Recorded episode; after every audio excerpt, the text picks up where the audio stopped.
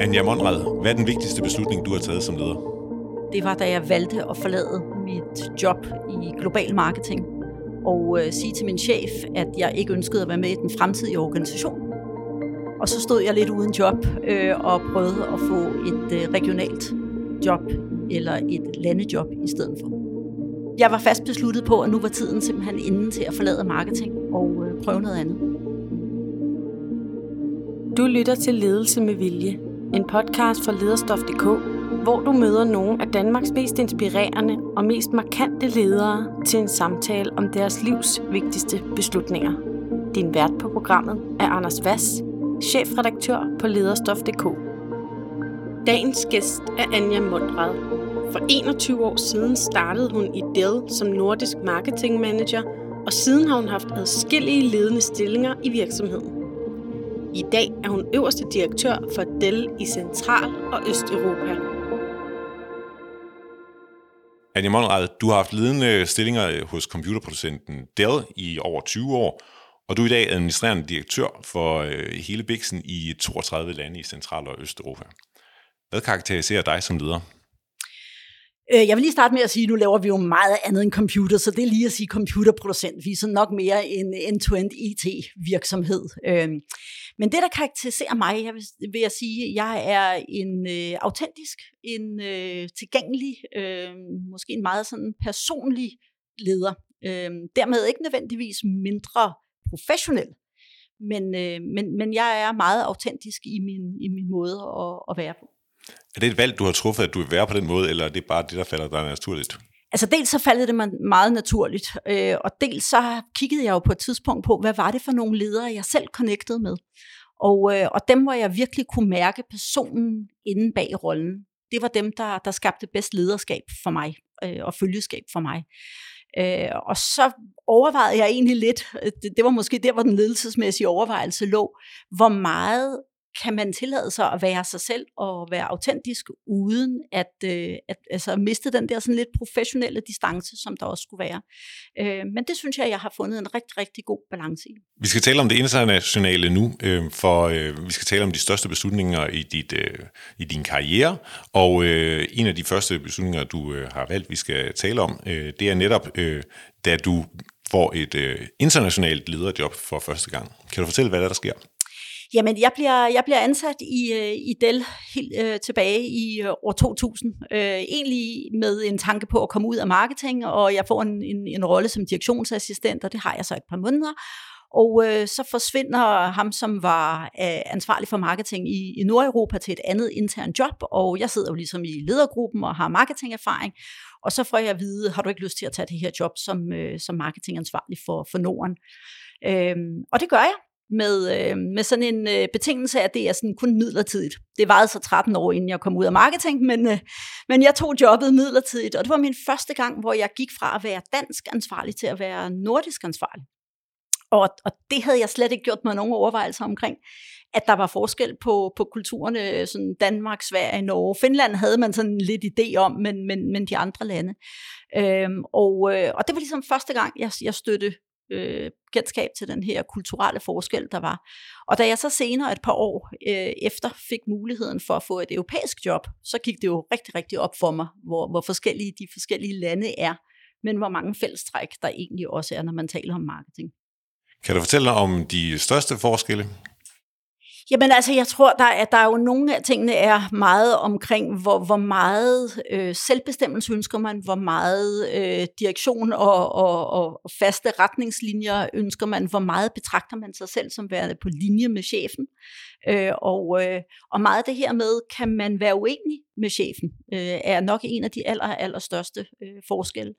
Og det har jeg jo oplevet meget, fordi jeg synes jeg træffer de bedste beslutninger efter en god øh, og sund diskussion og debat, hvor der er mange forskelligheder, der kommer på bordet. Og så synes jeg, at jeg får formet mine tanker egentlig bedre om, hvad det er for nogle beslutninger, jeg vil træffe. Og hvis man så lige pludselig leder et team, som er vant til, at chefen har altid ret, og chefen taler først, og øh, oftest øh, som den eneste, øh, så mangler jeg simpelthen et modspil for det første, og for det andet, så bliver de meget, meget usikre, når man øh, sidder over for dem og siger, jamen, hvad synes du? Øh, fordi jeg taler ikke, før du har sagt noget. Øh, og, og, og lige hele den der forskel er, er meget, meget markant i, i mange kulturer. Betyder du, at du er en anden chef, når du taler med din, øh, øh, din ansvarlige for et marked, end du er et andet sted, øh, alene fordi de kommer fra hvert sit land? Jamen, jeg tror på, på det her gammeldags begreb, der hedder situationsbestemt ledelse. Øh, og, og situationsbestemt ledelse er jo i situationen inden for et land, men det er helt klart også med de forskellige lande, som, som man har med at gøre. Og selvfølgelig tilpasser man en lille bitte smule. Hvis du tager et land som Israel, som jeg er ansvarlig for, så består det jo af 9 millioner entreprenører, som alle sammen øh, har en mening om, at de kan alting bedst. Og det gør jo også, at det er et af de lande i verden, der har flest patenter, og som udvikler ja, entrepreneurship øh, meget bedre end, end nogen andre. Øhm, så de skal jo ledes med en lidt mere hård hånd, fordi ellers så har du en organisation af entreprenører, som alle sammen mener, at øh, vi skal lave noget helt andet på en helt anden måde, end det, som egentlig er visionen og, og strategien for, for organisationen. Øhm, første gang jeg kom til Rumænien i mit, øh, i mit job som, øh, som direktør, øh, for, for regionen. Øh, jamen, jeg havde aldrig været i Rumænien før. Øh, jeg har, øh, havde ikke ledet den type organisation før. Så jeg spørger jo vores administrerende direktør nede i Rumænien, når man, hvad synes du så, vi skal gøre? Øh, for det er jo dig, der er ekspert på, på både jobbet og på, på landet. Øh, det var meget, meget chokerende for ham, og meget, meget usikkert for ham. Fordi for det første så kom der en, øh, en kvinde flyvende ind, øh, og så virkede hun fuldstændig som om hun ikke havde tjekket på noget som helst. Øh, og, og det er jo klart, så det, det, det skal man jo lige tænke over, at lige være klar på, at nogle kulturer vil meget, meget gerne se en stærk leder. Så selvom jeg måske gerne vil fremstå som en meget inkluderende og autentisk, øh, vi er alle sammen på, på samme niveau, jamen så er det ikke nødvendigvis det, der får det bedste frem i, i folk. Og jeg mener, det er jo min rolle som leder at sørge for, at mit team performer på den bedst mulige måde. Nu har du jo øh, langt mere øh, erfaring med international ledelse end de fleste andre, alene det, at du er øh, chef for 32 lande. Det betyder jo også, at du kan sige noget om, hvordan er vi danskere i forhold til, øh, til de andre. det, nu, nu, nu begynder det jo at blive lidt farligt, ikke? Øh, det er altid nemmere at tale om andre kulturer end om, om ens egen. Men altså, vi er jo, vi er jo meget, meget direkte i vores måde at, øh, at øh, anskue tingene på og, og artikulere øh, problemer på, som jo nogle gange kan, kan, kan både chokere folk, men, men jo også få, få, få tændt folk fuldstændig af. Øh, man kan sove folk. Øh, vi har jo også, vi bruger jo også ironi og sarkasme meget, øh, og det er ikke til at forstå for mange kulturer. Øh, og, og, og hele det der med at lige være opmærksom på, hvordan man, man, man taler til folk, øh, er super vigtigt. Og så er der jo den her med, hvor, hvor, hvor lige stillet mener du, du er med, med dine overordnede, øh, hvor vi jo i, i Danmark, i vores kultur jo helt klart mener, at vi er fuldstændig ligestillet med, øh, med, vores, øh, med vores chef.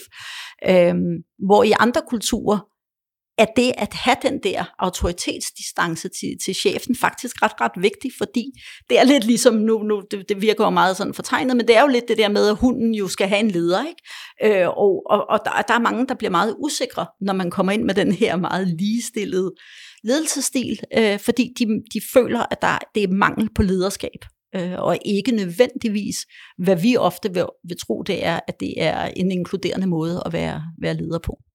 Har du selv haft nogle konkrete oplevelser, hvor, hvor det, at du jo kommer med en, en dansk baggrund, har givet dig problemer? Nej, altså jeg havde, jeg havde en, øh, en chef på et tidspunkt, i, øh, som var CMO, øh, da, da jeg havde mit, øh, mit globale marketing øh, job, som, som, da vi talte lidt om, omkring kulturforskelle, sagde jeg, at der er jo altså der er danskere og hollænder, som er meget direkte, og så er der dig, som er helt out of the scale.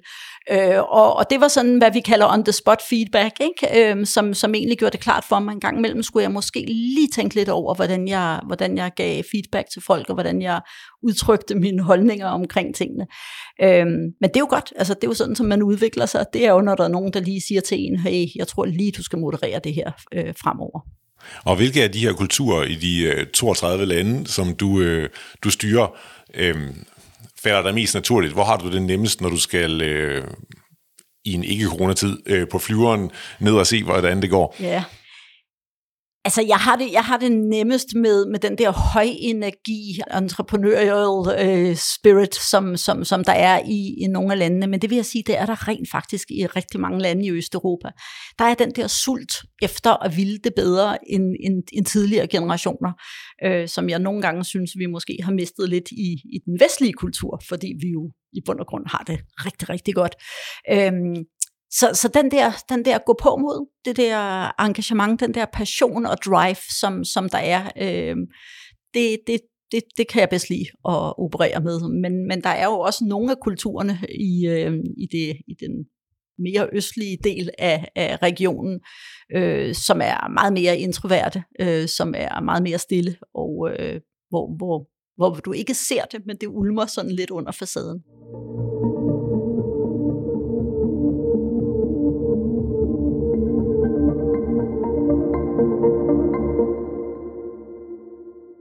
Her i Ledelse med Vilje, der beder vi altid vores øh, hovedpersoner om at tage en genstand med, som siger noget om dem selv som, øh, som person, øh, og også professionelt. Kan du øh, vise os, hvad du har taget med, og beskrive det? Ja, det kan du tro. Altså, jeg har taget... Øh, nu har jeg... Øh, jeg har taget noget med, jeg altid har på mig, så det var slet ikke spor svært. Øh, men nu, øh, det er en lille bitte punkt her, og nede i den her lille bitte punkt, der ligger der en lille samling af sten. Øh, meget, meget små sten. Og ja. øh, samlingen startede egentlig med en musling. Øh, muslingen er blevet væk, øh, og det har jeg så ikke. Øh, jeg har fået stenene og muslingen af min søn øh, gennem årene. Han er 25 år i dag, så det er så øh, en, en del år siden, at den her øh, samling startede. Og den, øh, den oprindelige musling, der startede hele samtalen, eller sam, samlingen er blevet væk, og det har jeg ikke fortalt ham. Så, så det, hvis han hører podcasten, så er det så, nu David, du hører, at muslingen er blevet væk. Øh, men den fik jeg. Vi havde, øh, vi havde et hus nede i Spanien, øh, hvor vi altid holdt ferier, og, øh, og der fandt øh, min søn den her lille bitte bitte musling, som, øh, som han en dag gav mig, og øh, jeg puttede den ned i, i min pung, øh, som jeg havde med ned på, på stranden. Og så gik der faktisk, tror jeg, flere måneder, inden at jeg opdagede den der lille musling, der lå nede blandt mine kreditkort, da jeg sad på en restaurant på et tidspunkt og skulle betale, og den røg med ud. Øhm, og, øhm, og det tror jeg egentlig startede den her følelse af, at jeg havde alligevel lidt min familie med mig, når jeg nu sad ude omkring på, på alle de her øh, ensomme hotelværelser. Nu får det til at lyde så forfærdeligt, men sådan er det jo engang, når man sidder der og tænker, hvad laver jeg her helt mutters alene? Øhm, og så, har jeg, så gjorde vi det egentlig til en, øh, en tradition, at når vi var ude et eller andet sted øh, sammen øh, og på rejse, så sagde jeg, David, kan du ikke lige finde en lille bitte ting, som mor kan have med? Så jeg har en, øh, en lille bitte sten, som er øh, lavet af lava fra, fra Island. Øh, jeg har noget fra Masada i, øh, i Israel. Øh, David boede på et tidspunkt i, i Athen i et år, øh, og, øh, og der gik vi lidt rundt oppe på Akropolis. Så, øh, så det, er, det er sådan en lidt af, af samlinger øh, af små ting. Nu er han blevet så gammel, så nu tror jeg, at vi, vi ligesom øh, dropper den. Men, øh, men de er altid med mig, øh, og det, det føles rart at have en del af sin familie med sig. Hvad siger det om dig, at du øh, render rundt med sådan en lille øh, grussamling? ja, det ligner lidt en grussamling, gør det ikke? Jamen altså, jeg, jeg tror, at... Øh, det, det, det siger vel jeg, jeg, ja, hvad siger det? Det siger vel noget om, at uanset hvor meget man holder sit arbejde, uanset hvor meget energi man bruger, eller jeg bruger på mit arbejde, så er min familie og min, min, min søn jo altid øh, med, og, og en stor del af, af mit liv. Øh, og, og den her balance mellem øh, arbejde og privatliv er, er super vigtig. Hvordan er den balance mellem privat Anja og øh, business Anja? Altså nu tror jeg, at det her såkaldte work-life balance er jo ikke et spørgsmål om, at tingene hele tiden skal være i balance, men hen over en periode, så skal tingene være i, i, i balance. Og, øh, og det synes jeg egentlig, det er. Altså jeg synes, jeg har brugt meget øh, på at tænke over, hvad er det, der giver mig energi, og hvor er det, at jeg bliver den bedste udgave af mig selv. Og det gør jeg, når jeg har det job, jeg har. Og, øh, og når jeg så bliver den bedste udgave af mig selv, øh, siger jeg sådan meget indbilsk, men øh, så kan jeg jo tage den del med mig hjem, og så måske blive en bedre udgave af mig, af mig selv derhjemme også. Øhm, så det skaber, det skaber bare en bedre balance i mit hoved. Men jeg har altid været den, der lige har tjekket mails, når vi har været på ferie. Jeg har stået op før resten af familien, og øh, så har jeg lige brugt en time eller to på lige at få ryddet ud i mailboksen, øh, fordi så havde jeg det bedre. Så det er ikke sådan så, nu er det ferie, og nu er det arbejde. Øh, men, men når jeg er privat, så er jeg privat. Og jeg er super god til at, at lukke ned og sige, nu er jeg her, synes jeg selv. Men hvor mange timer er du det, hvis man skal, skal, skal tælle? Jeg synes næsten, du lyder som om, det bliver til mere end 38 om ugen. Det bliver lidt mere end 38 om ugen, det gør det. Og hvis man skal tælle i den gamle verden transporttid med, øh, så var det fra tidlig morgen til, til, til meget sent om aftenen. Men jeg synes ikke, at, jeg, øh, at, at i de her type jobs, at øh, man skal gøre det op i timer. Øh, jeg bliver jo ikke målt på, hvor mange timer jeg arbejder. Jeg bliver målt på det outcome og det output, som der kommer ud af det. Øh, og jeg elsker mit arbejde. Så, så på en eller anden måde, så øh, flyder det sådan lidt ind i interessetimer, kan man vel kalde det, øh, en gang imellem. Fordi at øh, så kan jeg blive opslugt af et eller andet, der er super spændende, og så lægger jeg slet ikke mærke til, at der er gået rigtig, rigtig mange timer. Du virker som om, du nærmest får øh, energi af, af jobbet. Andre topledere, vi har haft øh, her i studiet, de fortæller, hvordan øh, de har brug for nogle gange at koble helt ud og øh, gå lange ture, eller øh, øh, være nogle dage i øh, et sommerhus, hvor man ikke rigtig taler med nogen. Øh, er det også dig, eller har du et, øh, et energiniveau, som kræver mere end det? Altså, jeg har nok et energiniveau, som kræver lidt mere end det. Jeg har øh, et par rigtig, rigtig gode veninder, som øh, febrilsk har prøvet i mange år at få mig med på silent retreat, eller på yoga retreat, eller øh, og jeg er ikke lige helt hoppet på, på, på den bølge øh, endnu. Øh, jeg får rigtig meget energi af også at gå ture med veninder. Øh, også veninder, som jeg kan drøfte arbejdsmæssige øh, problemstillinger med, som har lignende jobs. Øh, men også øh, bruger jeg tid sammen med folk, som er helt anderledes end, end, end mig selv, øh, og, og få energi gennem det. Hvis jeg skal vælge noget, hvor jeg virkelig får koblet hjernen fra, så spiller jeg golf. Og det gør jeg også med min søn. Øh, og, øh, og sådan et par timer på golfbanen, øh, enten med gode venner eller med min søn, øh, er helt fantastisk. Fordi hvis man har prøvet at spille golf, så ved man, at hvis man ikke koncentrerer sig om det, så bliver det virkelig noget magtværk. Så man bliver nødt til at koble hjernen fra og koncentrere sig om, om sit sving, eller hvad det nu er, man er i gang med. Øh, og og det, det renser simpelthen hjernen øh, for mig. Øh, og så elsker jeg at lave mad og, og, og ja, og en gang imellem øh, bare ligge på sofaen og se Netflix-serier også, men, øh, men jeg får rigtig meget energi i mit arbejde.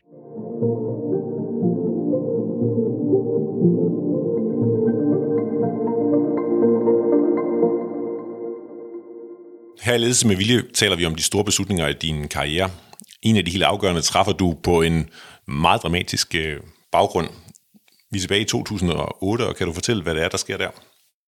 Jamen, der sker det, at øh, jeg er på skiferie med øh, min familie og nogle gode venner. Øh, og øh, har aftalt med dem, at vi skal mødes til, øh, til frokost nede på torvet nede i Courchevel, og jeg er på vej ned ad bakken, og lige pludselig så føles det, som om mit hoved eksploderer. Og det er det, der så sker, meget, meget lang historie, men den korte version af det er, at et par dage senere finder jeg ud af, at jeg rent faktisk har fået en jernblødning. Jeg havde en aneurisme, som, øh, som sprang Øh, og det gjorde den så i, i dagen efter igen. Det gør sådan nogen ofte.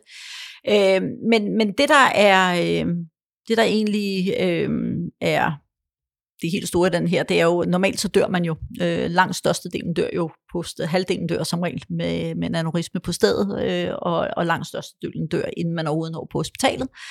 Øh, og øh, hvis man når frem til hospitalet, så øh, kommer man ofte ud af det med en øh, hjerneskade bagefter.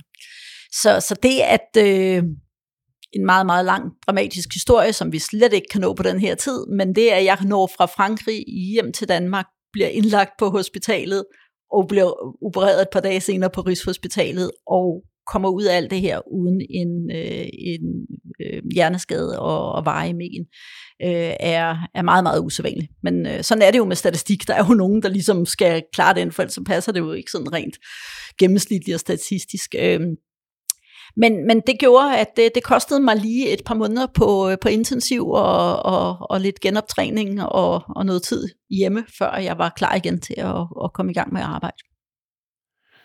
Ja, den beslutning, du træffer, det er jo så, at, øh, at du ikke har lyst til at øh, slappe af og være patient?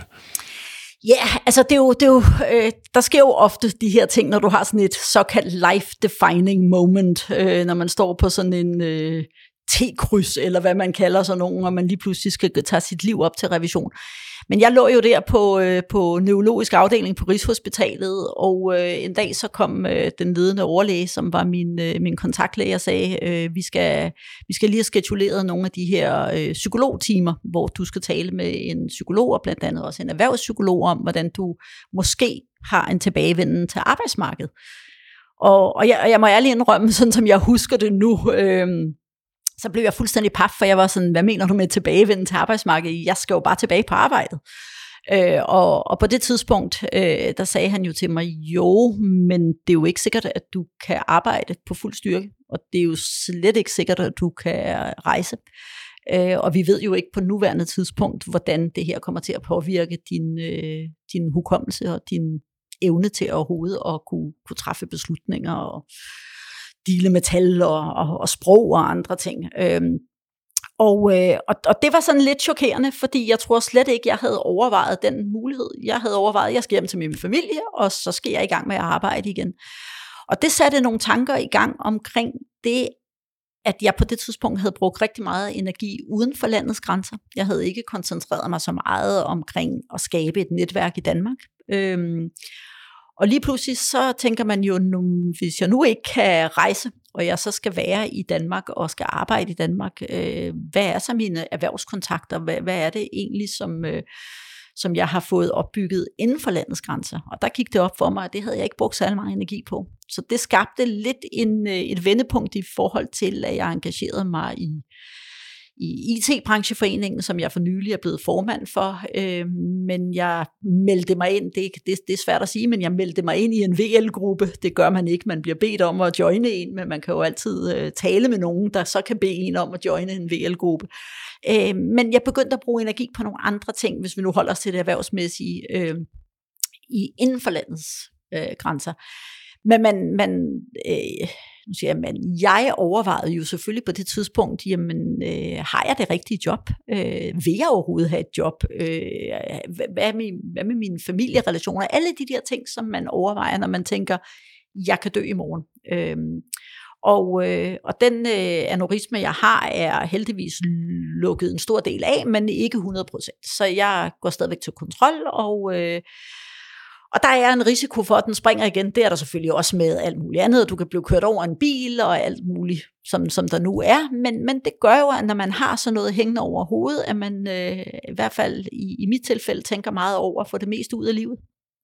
Øh, og så derfor bruge energien på og tiden på det, som, som netop giver mig, giver mig positiv energi.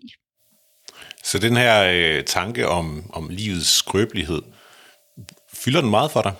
Nej, Øh, det gør den faktisk ikke. Og det burde det måske gøre meget, meget mere. Øh, men, men, men det gjorde det måske lige en meget, meget kort periode. Men igen, så er jeg jo sådan god til at, at få, få sat ting i bokse, få det behandlet og komme videre. Øhm, og øh, lidt ligesom i ledelse, hvor du har det her med fail faster, og så lær fra det, og så komme videre, så er det så måske også det her, jeg har overvejet situationen, jeg har truffet en beslutning omkring det, som virkelig giver mig energi, det, det er at have det job, jeg har. Øh, og jeg vil ikke sidde derhjemme og tænke over, at jeg kan dø om fem minutter. Øh, og så kigge bagefter tilbage på 30 år, hvor jeg bare har siddet og været angst for at, at dø. Øh, når jeg kunne få 30 år for eksempel, hvor hver dag har givet mig masser af oplevelser og, og, og masser af energi. Øh, så burde jeg måske have lidt mere respekt for det. Øhm, det ved jeg ikke, om jeg gør, men jeg, jeg synes, jeg får noget ud af hver evig eneste dag.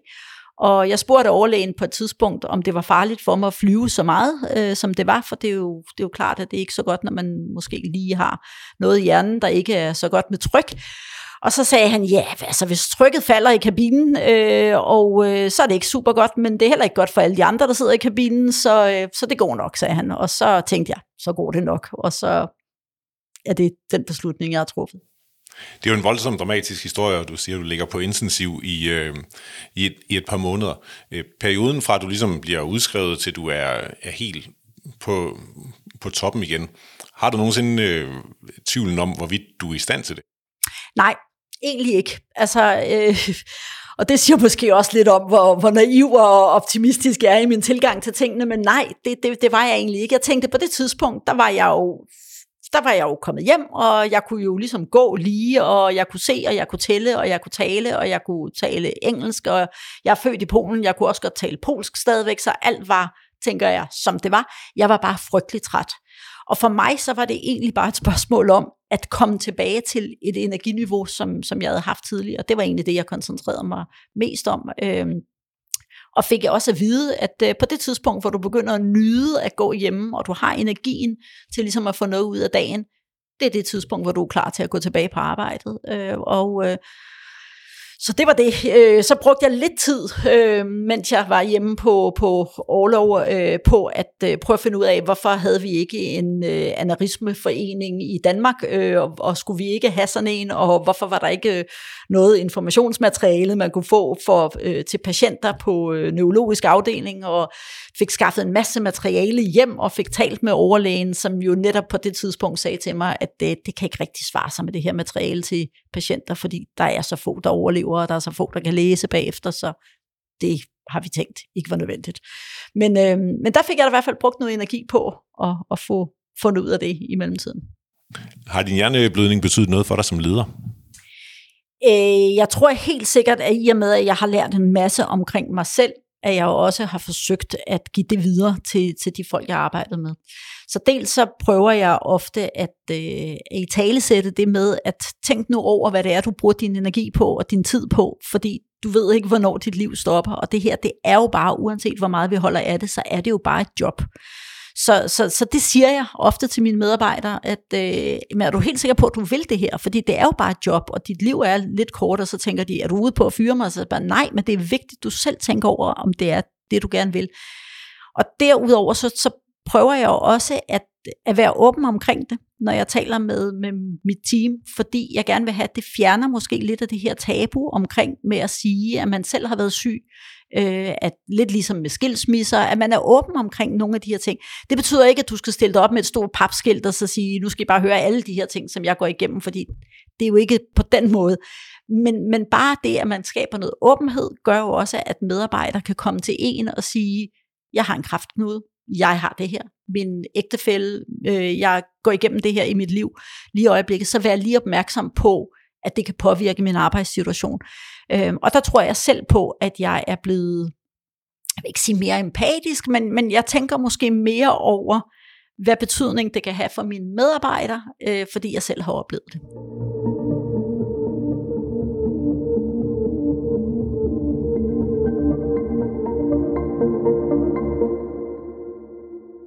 Lad os komme tilbage til nogle af de øvrige og mere professionelle beslutninger, du har øh, truffet din øh, karriere. Du nævnte den allerede i indledningen som måske den allerstørste i hele din karriere, da du øh, synes, at øh, nu er det nok med marketing. Øh, det er tilbage i 2014, og nu skal der ske noget andet. Kan du fortælle lidt mere om situationen, hvorfor du valgte, som du gjorde, og hvad der skete? Efter seks år som øh, på, på et globalt job, så vil jeg sige, der var, der var egentlig to ting, som triggede min beslutning om, at nu var det, nu var det nok. Den, øh, den ene øh, var måske mere faglig. Jeg havde lidt følelsen af, at nu havde jeg virkelig prøvet alt, hvad der var at prøve. Øh, og, øh, og tanken om, at jeg skulle motivere mig selv og motivere mit team til endnu en gang at gøre noget andet i en ny organisationsstruktur. Øh, det, det, jeg kunne simpelthen ikke opbygge den her øh, energi selv. Altså inden for marketingsområdet? Ja, og så få skabt en ny organisation med en ny centralisering, eller en ny decentralisering, eller en ny kampagne. Jeg følte lidt, at jeg havde været igennem alt det her rigtig, rigtig mange gange, og, øh, og, og, og det, var, det kunne være, at det var noget nyt, men det føles lidt som same same. Øh, og, og for mig er det vigtigste, det er, at man har energi og passion øh, i, i det, man laver. Så det var den ene del af den. Den anden del af det var, at jeg nok også var fysisk træt øh, af at, at, at fløjte den ene dag til Brasilien og den anden dag til Singapore, øh, og, øh, og så havde jeg en 50-60 mand siddende på hovedkontoret i Austin, hvor jeg i hvert fald var en uge om måneden også. Øh, så kombinationen af de to ting gjorde, at, øh, at jeg havde en, en snak med vores øh, CMO, som var min chef, og sagde, når vi nu når til, øh, det, som der altid sker, når vi sådan hver andet år skal kaste alle boldene op i luften og lave en helt ny organisationsstruktur, øh, så vil jeg gerne tegnes ud af den her organisation. Øh, så jeg ønsker ikke at være, være i den her rolle.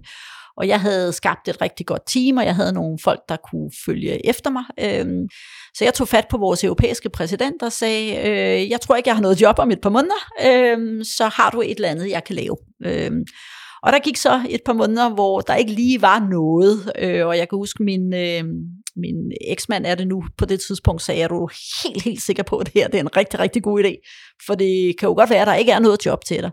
Og øh, så tænkte jeg, ja, men så er der jo nok nogle andre muligheder, og så åbner der sig en ny dør et eller andet andet sted, og det løser sig nok. Og øh, jeg er så født i Polen, så jeg taler polsk, og en dag så ringede telefonen, og øh, så spurgte øh, min, øh, min, på det tidspunkt blev det jo så min chef, øh, vores europæiske præsident, siger han, der er noget med, at du taler polsk. Ja, sagde jeg så, det er der. Ja, fordi at øh, han havde et job, som måske kunne være interessant, og det var så som øh, ansvarlig for, for Central- og Østeuropa. Øh, nu ved han jo godt, at Polen kun er et ud af 32 lande, men, øh, men vi joker sådan lidt med, at øh, det er der sgu nok ikke nogen amerikanere, der ved noget om, så de var bare sådan, men du taler jo sproget derovre i Østeuropa, så det går nok. Øh, så jeg fik fra den ene dag til den anden øh, ansvaret for 32 lande. Jeg havde aldrig haft et øh, salgsledelsesjob tidligere. Øh, jeg havde ikke haft et fuldt P&L-ansvar. Øh, men så tænkte jeg, det har jeg ikke prøvet. Altså et, et budgetansvar for hele biksen? Et budgetansvar for hele biksen. Jeg havde i min marketingtid været ansvarlig for et marketingbudget på godt omkring en milliard dollar, men det er jo ikke helt det samme som øh, at skulle sørge for at tjene penge. Jeg var rigtig, rigtig god til at bruge penge, øh, så nu skulle jeg jo lige pludselig til at tjene penge også til, øh, til virksomheden. Og øh, øh, ja, så, så tænkte jeg, det har jeg ikke prøvet men jeg kan så meget andet, og jeg er helt sikker på, at jeg kan bringe en masse ind i det her job, og så kan jeg sikkert lære en masse. Øhm, så det kastede jeg mig ud i, og det er så ja, næsten otte år siden i dag. Jeg tænker, der har været en, en ret stejl øh, læringskurve fra at gå fra, som du selv siger, bare bruge en milliard dollars øh, om året, til også at skulle, øh, skulle tjene dem. Hvad har været sværest for dig? Øhm, Jamen, at alt, hver gang man skifter, er der jo selvfølgelig nogle nye ting, man, man skal lære. Men, men jeg vil sige, det der var vigtigt i, i den her funktion, det er jo, at øh, som, som var anderledes, det var jo at forstå kunderne på en helt anden måde, end man gør i marketing. I marketing, der skal du jo også forstå kunderne, men der er det jo sådan mere sådan en kunderne som en gruppe, og lige pludselig så var det det, jeg skulle forholde mig til enkelstående kunder med enkelstående behov, øh, og, og kunne være med til at løse deres problemer. Nu har jeg jo landechefer, og landecheferne har jo øh, organisationer af en masse mennesker, som er helt fantastiske dygtige til at lige præcis at forstå, hvordan vores produkter kan løse de udfordringer og muligheder, som, som kunderne har. Så, så det var egentlig mindre det, det var mere det at lede en, en salgsorganisation, som var noget nyt. Det var nogle nye KPI'er, det var nogle nye dashboards, det var en ny måde at skulle lede på. Men det er jo ikke fundamentalt anderledes end at lede KPI og dashboards i et andet miljø. Men, men, men fundamentalt, hvis man tror på, at det man bidrager med er ledelse, så kom jeg jo med den langt største del af det, jeg skulle, og det var jo netop det at få, få skabt lederskab, øh, følgeskab i den her organisation, få skabt øh, klarhed over, hvad det var for nogle visioner, vi havde, få gjort det tydeligt for hver enkelt medarbejder, hvordan det var, de kan bidrage til det, som vi skal opnå. Øhm, og så er, er resten måske meget sådan detaljer. Men det kræver jo egentlig, at man... Øh, det, det er jo en meget, meget stor forskel, om du er fagleder, eller om du er generalistleder. Og, og det er jo mange, mange år siden, at jeg selv i, i marketing øh, vidste alt om alting i marketing. Øh, og det er, jo et stort, det er jo et stort spring, man tager fra det øjeblik, hvor man ved alting, og kan gå ned og sætte sig ned sammen med sit team og sige, Nå, men nu skal I bare se, nu skal jeg vise jer, hvordan man gør. Altså, det har jeg jo ikke prøvet i, i 25 år, altså at, at kunne gøre, fordi at øh, jeg havde jo ikke fagviden om alle de der ting. Så, så man bidrager med noget helt andet. Øh, og, og, og er der netop til at kunne støtte op omkring dem skabe samarbejde med andre funktioner, øh, er, er med til at få udviklet dem på en anden måde, men jeg kan ikke løse deres opgaver.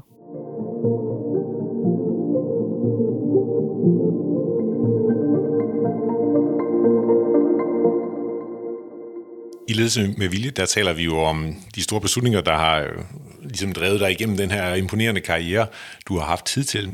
Vi vil også altid gerne tale om fremtidens beslutninger. Hvad er de store beslutninger, du står foran?